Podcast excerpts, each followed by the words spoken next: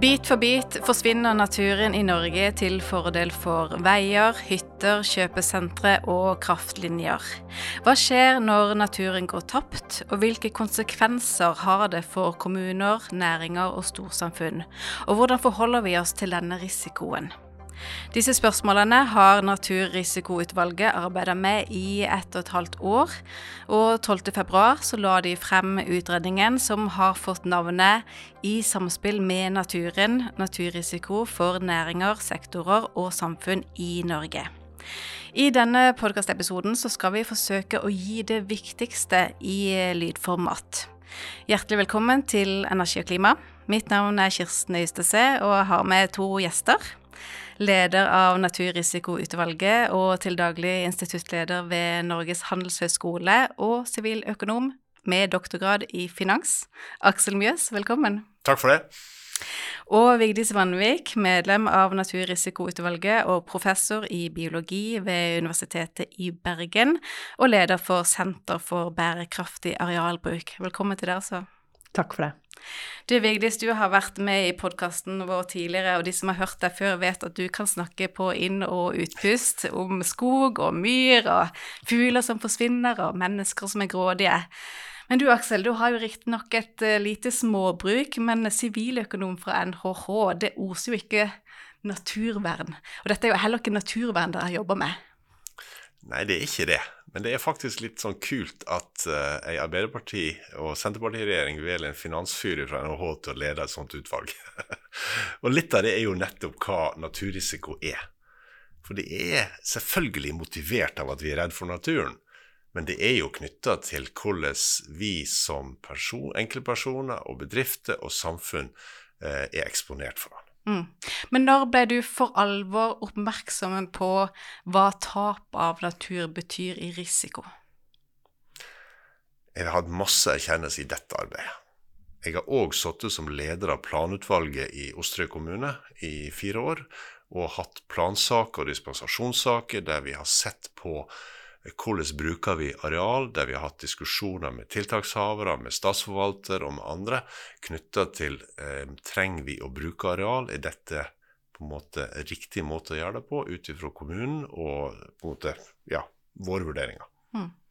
Vi skal forklare hva naturrisiko betyr, og hvordan dere mener vi bør håndtere risiko.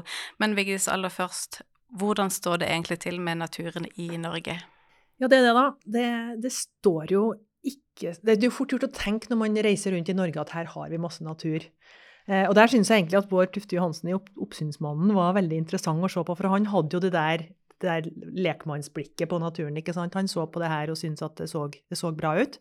Og så etter hvert som han ble oppmerksom på eh, alle her tingene som, som, vi, som, er viktige i naturen, da. store sammenhengende arealer, natur, naturskog, myrer, urørte fjellområder, og hvor fort det forsvinner, så ble han liksom stadig mer oppmerksom på at nei, det står kanskje ikke så bra til med norsk natur. altså Det er veldig, veldig, veldig mye press mot norsk natur.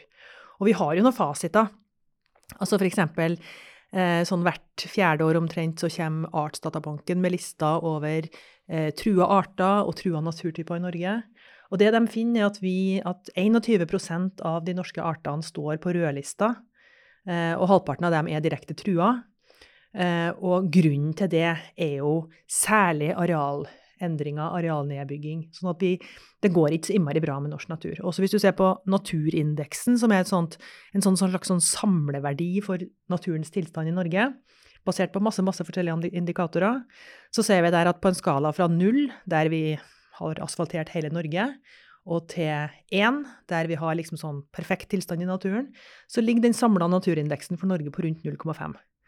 Hvordan er det sammenlignet med globalt? Eh, globalt sett så Altså, jeg sa at, at 21% av de norske artene er på rødlista.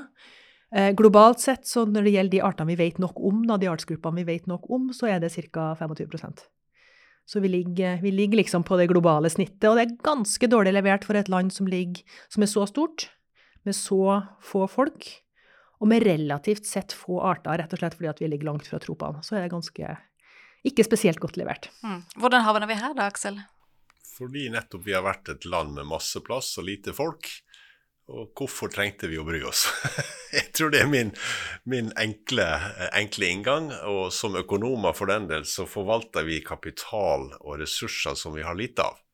Og økonomi er jo å husholde med kapital, og hvis vi tenker at uh, penger og tid og folk og sånt, det har vi begrensa av, så det må vi prioritere. Men areal er iallfall en uendelig ressurs vi kan skalte og valte med. Eh, folk har jo ikke sagt det, men det har vært veldig mye atferd som har hatt den premissen. Mm. Opplever dere at det er endring? Ja, jeg syns det. Og jeg tror og igjen, kred til regjeringa som i Hurdalserklæringa når de starta i 21 sa at dette skulle de jobbe med. De satte ned vårt utvalg, og gitt oss ressurser. Vi har kunnet jobbe med dette, og vi opplever jo nå, som Vigdis nevnte, Oppsynsmannen, vi opplever en god del andre initiativ der folk blir mer og mer bevisst på at areal er et begrensa gode. Det er en kapital som skal forvaltes. Naturens bidrag er noe som også de som kommer etter oss, skal få. Det gir et helt annet fokus. Og jeg tror sånn sett at vi allerede er kommet i en fase der disse diskusjonene i neste sving er annerledes enn de var for et år siden. Mm. Men du, med klimarisiko, altså som, som klimarisiko så handler jo også naturrisiko både om fysisk risiko, altså risikoen som følge av at naturen endres, og det vi kaller overgangsrisiko, altså risiko som følge av endra regulering eller endra rammevilkår. Hvis vi tar fysisk naturrisiko først, hvilke næringer i Norge og regioner er mest utsatt for konsekvensene av at naturen forsvinner? Altså, vi har vært litt tilbakeholdne med å være for kategorisk, men det er klart primærnæringene, de som lever i tetta samspill med naturen, enten du snakker fiske eller jordbruk eller skogbruk, er jo de som nødvendigvis er mest avhengig av natur, og potensielt påvirker naturen mest. Og det er jo det som er kildene til fysisk naturrisiko. Og så har du andre eh, næringer som er særlig arealkrevende. Eh, transportinfrastruktur, selvfølgelig, men òg en del industri eh, og reiseliv på sitt vis. Altså, reiseliv har jo en dualisme i at de både vil eh, ha tilgjengelighet i naturen, og så skal han samtidig være urørt. Så utfordringer har de. Men uansett, det er jo de som er tettest på å bruke naturen. Og så har jo vi, som er litt originalt, tror jeg, i forhold til internasjonale gjennomganger, vært opptatt med offentlig sektor. Og Offentlig sektor er jo så viktig i Norge. Det tas så mange beslutninger, enten du snakker om det mer vanlige at de tillater eller ikke hva vi private gjør. De driver med store innkjøp, de er store eiere, men de gjør masse sjøl òg. De bygger veier, de bygger sykehus og skoler og hva det måtte være, rådhus og alt. Eh, og de beslutningene skal også eh, være underlagt en naturrisikovurdering. og ikke minst, hvis du snakker det det enkle, fokuserte arealmisbruket. Skal du bygge rådhus på eh, den beste eh, jordbruksjorda, eller skal du bygge rådhus en plass der du la ned en fabrikk i fjor? Vi snakker jo da om altså, hvordan tap av natur har negative konsekvenser for oss som mennesker. Og veldig mange sånne som meg eh, vil jo, eller sånn ryggmargsrefleksen vår er at ja, men naturen er jo ikke bare for oss, vi må jo tenke på naturens egenverdi. Og vi skal gjøre det òg. Men det er en, faktisk en ganske sånn interessant øvelse å tenke litt på sånn OK, hvis naturen eh, går tapt og ødelegges og skades og forringes, hva har det å si for oss? Eh, og man kan begynne med det helt, med det helt opplagte. altså, altså Aksel snakka om jordbruket. og klart, Det å ha et godt jordsmonn, og det å ha et jordsmonn som det er mulig å dyrke mat i, det er utrolig viktig. Og i Norge så har vi 3 dyrkbar mark eller noe sånt, eller dyrka mark. Eh, og klart når vi bygger ned den marka, så hvis da vi skal drive jordbruk et annet sted, så må man da sånn, dyrke opp arealer som ikke var dyrka fra før, av veldig gode grunner, for vi dyrka opp de beste områdene først. Så da flytter vi på en måte landbruket fra gode, de beste jordbruksområdene til de som er dårligere. Det vil være en typisk naturrisiko. Men så kan du også tenke litt sånn, sånn Fiskeriene ikke sant? De høster jo fra en, fra en, en naturressurs. Og de er jo opplagt avhengig av at vi forvalter den fisken på en god måte. Men fisken er igjen avhengig av gyteområder, ikke sant? gode gyteområder. Så da blir plutselig tareskogen viktig, og den typen ting. Og så er de avhengig av eh, et noenlunde skapelig sånn temperaturer i, i havet som våre, fisker, som våre fiskeslag er, eh, trives godt i, og dermed flytter jo fisken seg nordover. ikke sant? Det er jo en type naturrisiko. Og så kan du også tenke på, altså Samfunnssikkerheten er også en sånn ting som er, som er viktig å tenke på her. da, fordi at altså, vi bor jo rundt omkring i hele landet. Veldig mange av oss bor i nærheten av, eller langt ned i terrenget, så vi bor liksom sånn i lavlandet, ikke sant. Og mange av oss bor i nærheten av elver og vassdrag. Og der har vi sett de siste årene at flomproblematikk er jo ikke irrelevant. En ikke irrelevant fysisk risiko. Og vi tenker jo på det som en klimarisiko, fordi at ekstremvær er en konsekvens av klimaendringene. Men samtidig så er det sånn at når det ekstremværet rammer, så har det ganske mye å si hva, det, hva, eksempel, hva de atmosfæriske elvene faktisk lander på. Hvis alt det regnet havner i natur, og havner i myrer og skoger som er i stand til å ta opp ganske mye av det vannet, så bremser vi de flommene som eventuelt kommer lenger ned i terrenget. Og faktisk så gjorde NVE en sånn undersøkelse i jeg tror det var i fjor, de kom med en sånn rapport. Helt konkret rapport hvor de tok for seg noen vassdrag i på Vestlandet, og der sa de at den beste måten å demme opp for ekstremflom i de vassdragene, er å ta bedre vare på naturen lenger opp i terrenget. Så naturen gjør sånne viktige jobber for oss, da, det vi kaller sånne regulerende tjenester, eh, som gjør at, som gjør at, eh, at ved å tape natur, så har vi en del negative konsekvenser som vi kanskje ikke tenker på. Og de her flommene de rammer jo definitivt privatpersoner og heimene deres. Det rammer, rammer, også infrastruktur, ikke sant? og det rammer liksom alt da, ned i de her dalene og ned langs vassdragene der vi faktisk bor. Så naturrisiko er veldig, er veldig masse, masse sånne, sånne, ting som vi kanskje ikke tenker på. da, Direkte høstbare ressurser, regulerende tjenester. Og så har vi også sånn som, sånn som eh, jeg er f.eks. en litt, kanskje litt over gjennomsnittet ivrig bærplukker. Og, og Eh, og det å ha Men vi, vi driver på med vi driver på med, med, veldig mange forskjellige ting i naturen da, som ikke trenger å være så veldig sånn Altså, ja, noen flyr naturligvis inn på Hardangervidda og jakter, men, eh, men, folk gjør veldig mye Men folk gjør veldig mye i naturen som er, som er stor, stor, verdi for dem, som kan handle om liksom, turen på vei, på vei, mellom skole og, skole og hjem, at det, er, liksom, at det, er, fint der, eller at du har mulighet til å plukke litt bær om høsten, eller at du har mulighet til å gå ut i skogen. ikke sant, og ved å ved å ødelegge natur, så fratar vi folk de, en del av de her nærmiljømulighetene til å omgås naturen. Og det går jo rett inn på folkehelsa. Jeg har brukt som eksempel i noen presentasjoner disse finansfolkene som har bodd i London og New York og flytta hjem til Oslo fordi de lengta etter marka. Ja, det er jo det, er ikke det sjøl som beskriver det omtrent? Ja, jo, jo, jo. Men eh, jeg var nå med Jo, for så vidt. Det var mange grunner til at jeg flytta hjemme fra London, men for så vidt. Nei, men altså, det er rett, rett og slett Du legger om livet ditt fordi mm. at eh, bor du i en eh, sementørken i utlandet, så er ikke livet godt. Så, så, igjen, få opp verdien for oss som enkeltpersoner av tilgjeng tilgjengeligheten til denne frie naturen. Mm. Og det, jeg, sånn, det, tar vi så enormt for gitt da, i Norge, og til og med i byene våre. Sånn, vi bor jo i Bergen, men, men, men, vi er veldig veldig vant til å ha natur tett på oss. Og så glemmer vi at når vi bygger ned naturen bit for bit, og når vi fjerner stadig mer natur, så blir det vanskeligere og vanskeligere å få tilgang på natur. Og så klager vi at ungene ikke er ute og leker, ikke sant? men hvis vi, hvis vi bygger ned nærnaturen deres, ja, ja. så er det ikke så enkelt. Mm tett integrert av naturrisiko og klimarisiko. Det går jo litt Det, det henger tett sammen. Det gjør det sånn fra helt fra det enormt store og helt ned i hverdagen. Ikke sant? Altså sånn eh, eh, klima, Klimapanelet og Naturpanelet er jo helt tydelige på at de to krisene henger tett, tett sammen og bare kan løses sammen på global, på, på global skala. Men også da når du kommer ned, ned hjemme, da, så er det jo myra er jo liksom sånn en sånn superkraft da, når det gjelder å demme opp for, for, for klimarisiko. Så der er jo sånn helt ned på, på, kvadratmeteren så er klimarisiko og naturrisiko tett tett knytta sammen. Mm. Men så er det dette med overgangsrisiko. Kan dere si noe om på hvilken måte eller hvilke næringer som ikke er rigga for at uh, det kan komme andre typer reguleringer og, og uh, lovendringer? Det, det, henger jo sammen, dette her. sant? Fordi overgangsrisiko er jo i hovedsak, eller i sum, så er overgangsrisiko hvordan samfunnet ønsker å redusere det naturtapet og den negative påvirkningen på naturen som enkeltnæringer gjør. Og Da vil det nødvendigvis være de som påvirker mest negativt, som er mest utsatt for den type overgangsrisiko. Og Så sa jo du i, i kommentaren at overgangsrisiko er nye rammevilkår. Det er viktig at det er litt mer enn det. Eh, og sånn har vi eh, skrevet inn i vår definisjon. Det er selvsagt rammevilkår som eh, kommer fra myndighetene.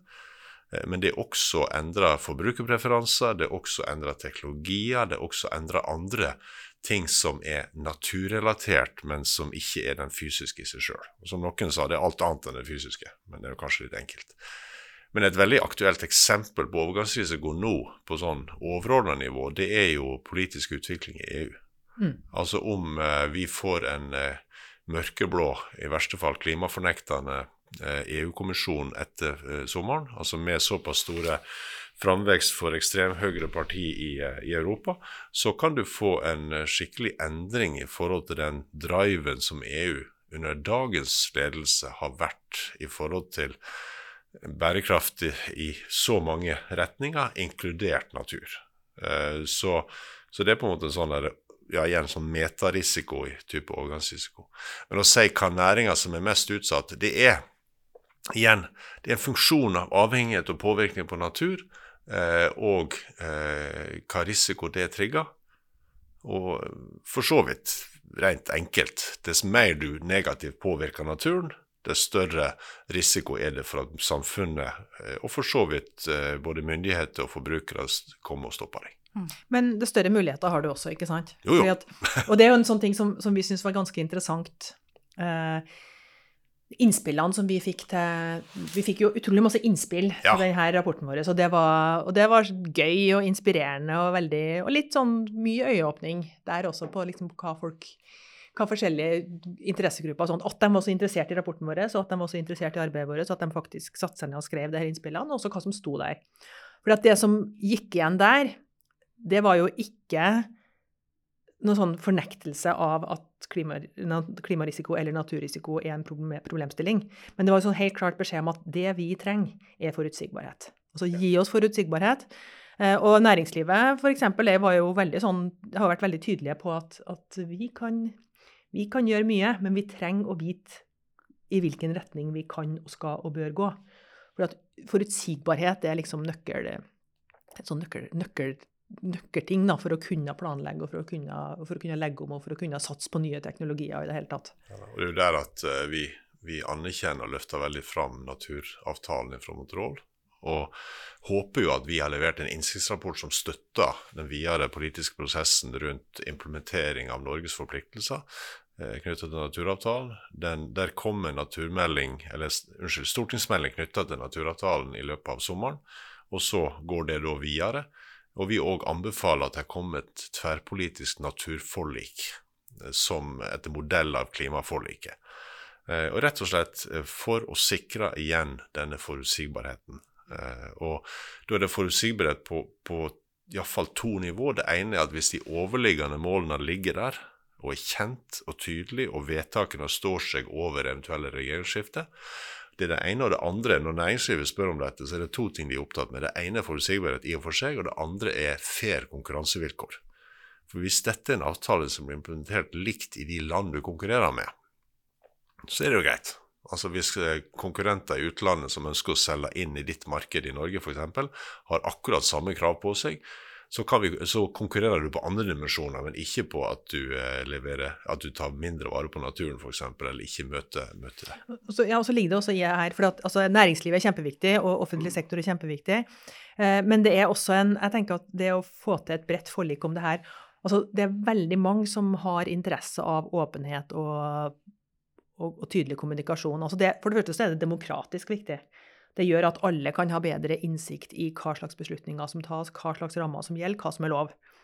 Eh, hvor vi skal hen nå. Og det, det, gjør jo at for eksempel, altså helt sånn, beslutningene i kommunene vil også bli mer gjennom sånn, åpne og transparente og rettferdige gjennom at reglene blir mer tydeligere. For sånn som det er nå, så er det og det det er, ikke bare vi, som, bare vi, som, peker på det, det er mange som peker på at, det, at litt for mye av arealplanlegging og i hele tatt utviklinga i Norge, særlig når det gjelder areal, da, det skjer på dispensasjon istedenfor etter plan. Altså vi, vil oss, vi, vi, mener at hvis vi planlegger oss til en samfunnsutvikling, så vil det være eh, noe som langt flere har mulighet til å komme med innspill på i åpne og ryddige prosesser, enn hvis vi skal drive og dispensere oss fram. Altså at vi, vi har en plan med noen noen interessenter har liksom kapasitet og, og, og ressurser til å, til å, liksom, til å, omgå, til å omgå, planer. Mm. Hvordan skal vi konkret gjøre det da når vi skal planlegge på en annen måte? Vi, altså, og det har jo vært en sånn ting som vi må ha måttet holde tunga litt rett i munnen, i hvert fall enkelte av oss, det, i det her komitéarbeidet. For vi skal ikke altså det her, den her komiteen altså vi, skal, vi, skal, vi skulle ikke gi råd eller anbefalinger som for å redde naturen, for å si det sånn. Altså miljø... Det var forbud mot det var forbud. Men vi skal se på Så det vi skulle se på, var jo hvordan Altså hva naturrisiko er, hvordan det slår inn i norske næringer og sektorer, og hvordan vi kunne jobbe med vi kunne ta med naturrisiko inn i um, um, ja, alle mulige samfunnsprosesser. Da. Og det som er så interessant med det her, det er jo at, at, at uh, gjennom å snakke om og gjøre samfunnet oppmerksom på naturrisiko og hva det er og hvordan det slår inn, så aktiverer vi også egeninteressen, ikke sant? Fordi at hvis du tenker på sånn helt sånn, altså, altså det En sånn risikoinngang det handler jo om å ta, å ta hensyn til det du ikke vet, og ta hensyn til mulige sånne fæle ting som kan skje, som du ikke har kunnskap om. Og det høres jo helt umulig ut, men hvis du tenker deg om, så er det jo sånn at f.eks. i privatlivet, jeg vet ikke hvordan det med dere, men jeg har i hvert fall forsikra huset mitt. Jeg har ikke peiling på om det kommer til å brenne, og for å være helt ærlig så tror jeg at det er veldig veldig, veldig lav sannsynlighet for at det kommer til å skje. Men jeg vet også at hvis det skjer, så går veldig store verdier som av mine stor andel av mine private verdier tapt, Cirka alt faktisk. Um, og derfor så er den forsikringspremien verdt å betale. Og det er akkurat sånn vi tenker rundt naturrisiko. ikke sant? At, at, at egentlig så er det sånn at næringer og sektorer, og for så vidt også samfunnet og enkeltpersoner og alle sammen, vi har vært eksponert for en kjempestor risiko som vi har hatt helt sånn blind, blindsone mot. Og når vi har begynt å skjønne det, og det er bare i løpet av de siste par årene, så har jo, og det er jo fascinerende å se, det har jeg lært masse om i løpet av det her komitéarbeidet, at, sånn at finanssektoren og, og veldig mange sånn næringslivssammenslutninger og sånt, de er jo all over det her. Fordi at de ser at her er det en risiko som er et risiko for tap, som vi ikke har vært oppmerksom på. Både det fysiske og overgangsrisikoen. Og det må vi begynne å tenke på øyeblikkelig, hvordan vi kan forholde oss til det. Så der er det jo en voldsom drive. Og det er også litt sånn betryggende, for det gjør at eventuelle politiske utviklinger i EU i den neste fireårsperioden um, Det er ikke en sånn ja eller nei, stopp eller go på naturpolitikk og på naturrisikohensyn og, og den typen ting. Altså, det her kommer til å komme uansett. Det kan være noen små sånne snublesteiner på, på, på veien, men, men fordi at klimakrisen og naturkrisen ruller innover oss, og fordi at konsekvensene blir, allerede er tydelige, og blir stadig mer tydelige, så kommer vi til å gå den veien at vi kommer til å måtte ta hensyn til det. Sånn, allerede i dag så er det noe sånt som 10 av verdensøkonomien går tapt pga. skade fra ødelagt natur, altså naturrisiko. Eh, som, som FN-tall, det her. Sånn at allerede så rammer det oss i ganske stor grad, og vi har ikke tatt det innover oss, og det kommer til å komme. Dette er jo en, eh, en, et eh, arbeid som er summert opp i en 300 sider. Et grundig og godt arbeid som sikkert mange lærer veldig mye av for å lese. Så er det ikke alle som kommer til å lese absolutt alt. Så hvis vi skal, hvis skal prøve å summere opp utvalgets anbefalinger, hva er det viktigste som kommuner, selskaper og vi som storsamfunn må gjøre annerledes nå enn hva vi har gjort for å håndtere naturrisiko. henger mye på det som Vigdis nettopp sa.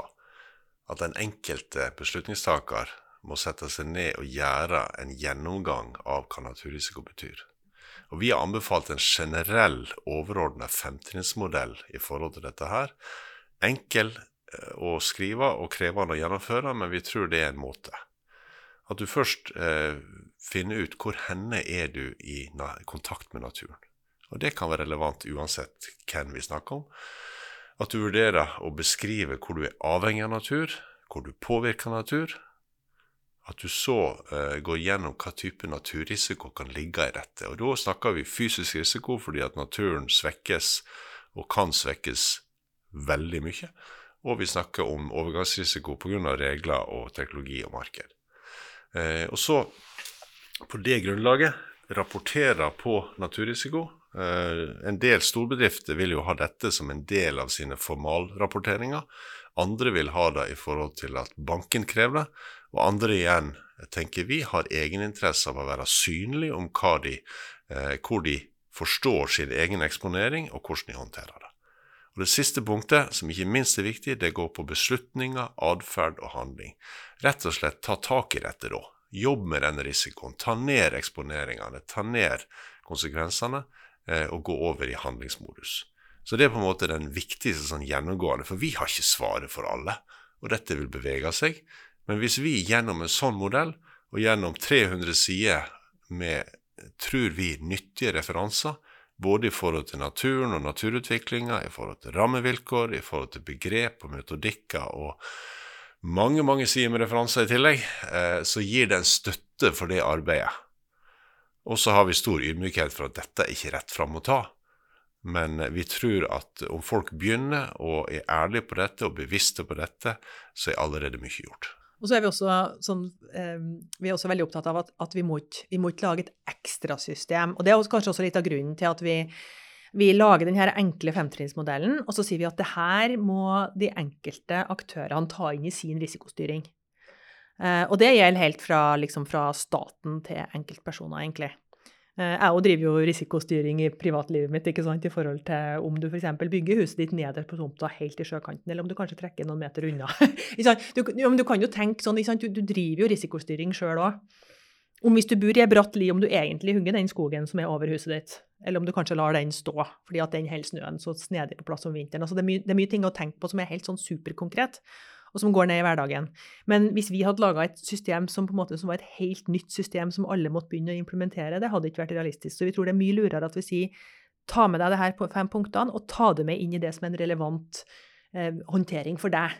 Enten, ja, uansett hvem du er, da. Og så en ydmykhet for at vi har ikke standardsvaret men vi kan støtte, og så må den enkelte ha ansvar. Og for Norge så tenker vi jo at da er det jo liksom, da er det jo som, som Aksel snakka om i stad, da, da er det på en måte OK, når vi skal lage en handlings, når vi skal lage denne stortingsmeldingen som skal bli en sånn handlingsplan for naturen for å følge opp naturavtalen, der inn må jo naturrisiko tenkes.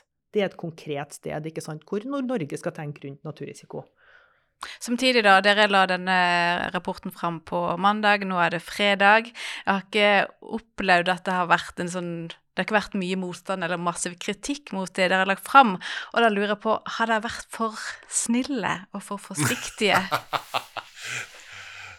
Godt spørsmål. Jeg tror ikke det. Altså, du, du har, det er rett oppfatta. Det har vært flott mottak.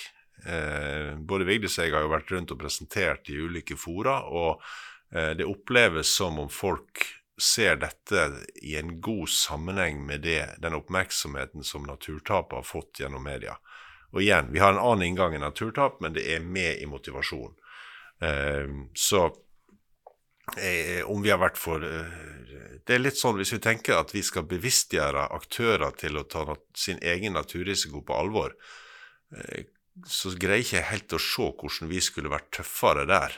Vi kunne selvfølgelig sagt at innen, innen mai så skal du orden på dette, og sånn og sånn og sånn. Eh, men jeg tenker, hadde vi vært et natur- og miljøutvalg, så kunne vi for så vidt gradert våre anbefalinger og utfordra myndighetene til å fikse alt mulig til mai. Mm. Eh, men vi er ikke på den. Eh, jeg tror likevel vi er ganske tydelige i vår beskrivelse av utfordringene i naturen, hvordan naturen utvikler seg, hva type tap vi har, og hva eh, naturtap vi egentlig kan frykte ligger framfor oss og vi må forholde oss til. Der er vi dokumentert og ganske så skarp. Men jeg, jeg opplever at både fra ministeren og til andre så har folk vært, vært happy med det vi har levert. Uh, jeg vet ikke om jeg kan nyansere det så mye mer. Hva tenker du? Ja, jeg tenker at, at uh, den her, altså jeg, jeg, tror nok ikke, jeg tror det vil være veldig få mennesker som vil ha denne rapporten på nattbordet, for å si det sånn. Og det, vi, det, det går fint for oss. Men det jeg håper, er at den kan fungere som et oppslagsverk. Eh, det ligger, det ligger, vi har noen fine tabeller inni der hvor vi ser på hvordan, hva slags avhengighet og påvirkning er relevant for forskjellige sektorer og næringer. Hva slags naturrisiko kan man tenke på? Så vi har noen sånne tabeller med noen sånne råd. Vi har oversikt over, over det arbeidet som er gjort både i Norge og internasjonalt med naturrisiko. Vi har også oversikt over sånn, utvikling og tilstand i naturen. Så vi har en del sånn oversiktsstoff som kan være relevant. Eh, og så er det også sånn at det, vi sier at, at, de forskjellige næringene, sektorene, aktørene må vurdere sin naturrisiko.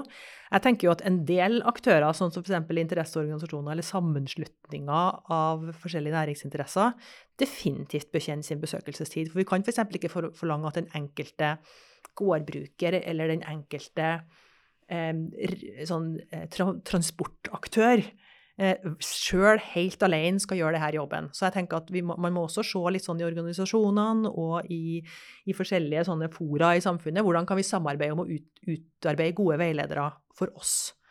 Og Der er jo ganske, det er jo ganske gøy å se at sånn i den uka som har gått, da, så har det er jo en del av de her, av, de her sånn både Eh, større selskaper, firmaer, interesseorganisasjoner som har vært på ballen og liksom snakka om, om, hva betyr det for oss, hvordan kan vi jobbe med det. Så jeg tenker jo at den, Det skal bli veldig spennende å se i de her månedene som kommer, hvordan denne ballen plukkes opp.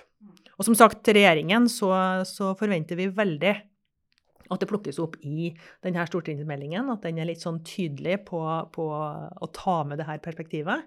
Og også at der vil eh, spesielt da kommunene få, få hjelp til å se hvordan de, kan, hvordan de, kan, jobbe med naturrisiko. For hver enkelt kommune skal i hvert fall ikke sitte og jobbe med det her på egen hånd. Mm. Men rett før dere la fram rapporten, så var jo et regjeringsmedlem ute i VG og sa noe som, som at vi må bygge ned mer natur, og alt som er bygd ut de siste årene, har vært til det gode for samfunnet. Helt ærlig, hva tenkte du Vigdis når du så det nyhetsoppslaget? Jeg tenkte at enkelte regjeringsmedlemmer kunne ha godt av å lese en innsiktsrapport om temaet. Da trenger vi ikke å kommentere noe mer på det. Aksel? Enig med Vigdis.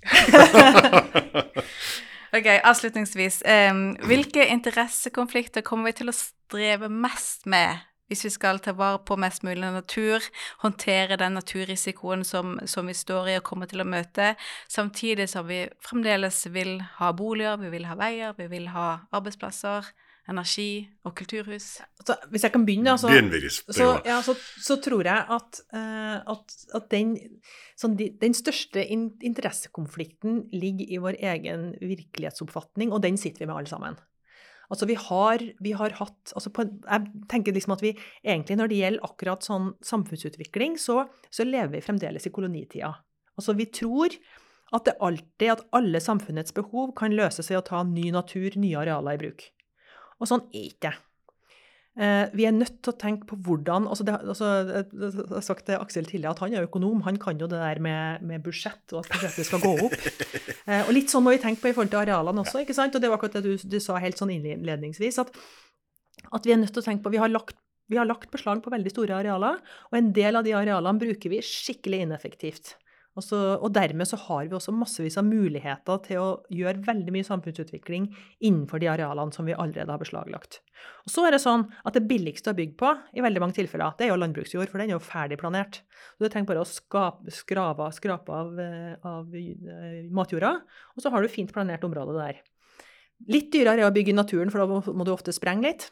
Eh, og det dyreste er å bygge på allerede brukt areal. Hvis du f.eks. har gammel industri som står der som må ryddes opp i, eller hvis det er i sentrale områder, sånn at du har dyre tomtepriser. Sånn at, eh, sånn at det vi gjør, sant, er at vi, vi, vi, tar den, vi, tar en del viktig økonomisk aktivitet, f.eks. sånn vi bygger fantastiske boliger i bysentrene, og det er bra, så da har vi voldsomt til utvikling der. Samtidig så sprer vi all denne liksom sånn arealsløsende eh, aktiviteten ut fra byene. Det genererer masse transportbehov, det genererer masse ødeleggelse av natur. Og vi må prøve å tenke litt sånn nytt rundt hvordan kan vi klare å lage arealeffektive samfunn på mest mulig måter. Eh, og holde oss innenfor de arealene vi allerede har båndlagt. Og det vil jo i veldig mange tilfeller så vil det rett og slett føre til Det vil gi andre goder også. Det vil gi kortere arbeidsvei, det vil gi mindre forurensning, mindre CO2-utslipp, det vil gi mindre vedlikeholdskostnader. Altså det vil være masse positive virkninger med et mer areal- og mer ressurseffektivt samfunn. Mm. Så masse positivt, men Aksel, hva er det som er vanskelig med dette? Hva er interessekonfliktene? Jeg tror det er når vi må leve på andre måter for å leve i samsvar med en begrensa ressurs, som Vilus beskrev, som vi trodde var ubegrensa. Eh, og når vi må ta ned klimagassutslipp Eh, skal vi da si OK, vi ofrer litt natur, eller skal vi se på trenger vi så mye energi? Trenger vi eh, areal til andre ting, eller er det det arealet vi heller skal bruke til energiproduksjon enn til veier? Og alle disse sånne holistiske Eller holistiske er feil ord, men altså samlevurderingene. Og at vi evner å få en god demokratisk politisk prosess på å gjøre rangering og prioritering på dimensjoner vi tidligere har tatt for gitt. Aksel Mjøs og Vigdis Vanvik, tusen takk for praten. Takk sjøl. Takk for invitasjonen.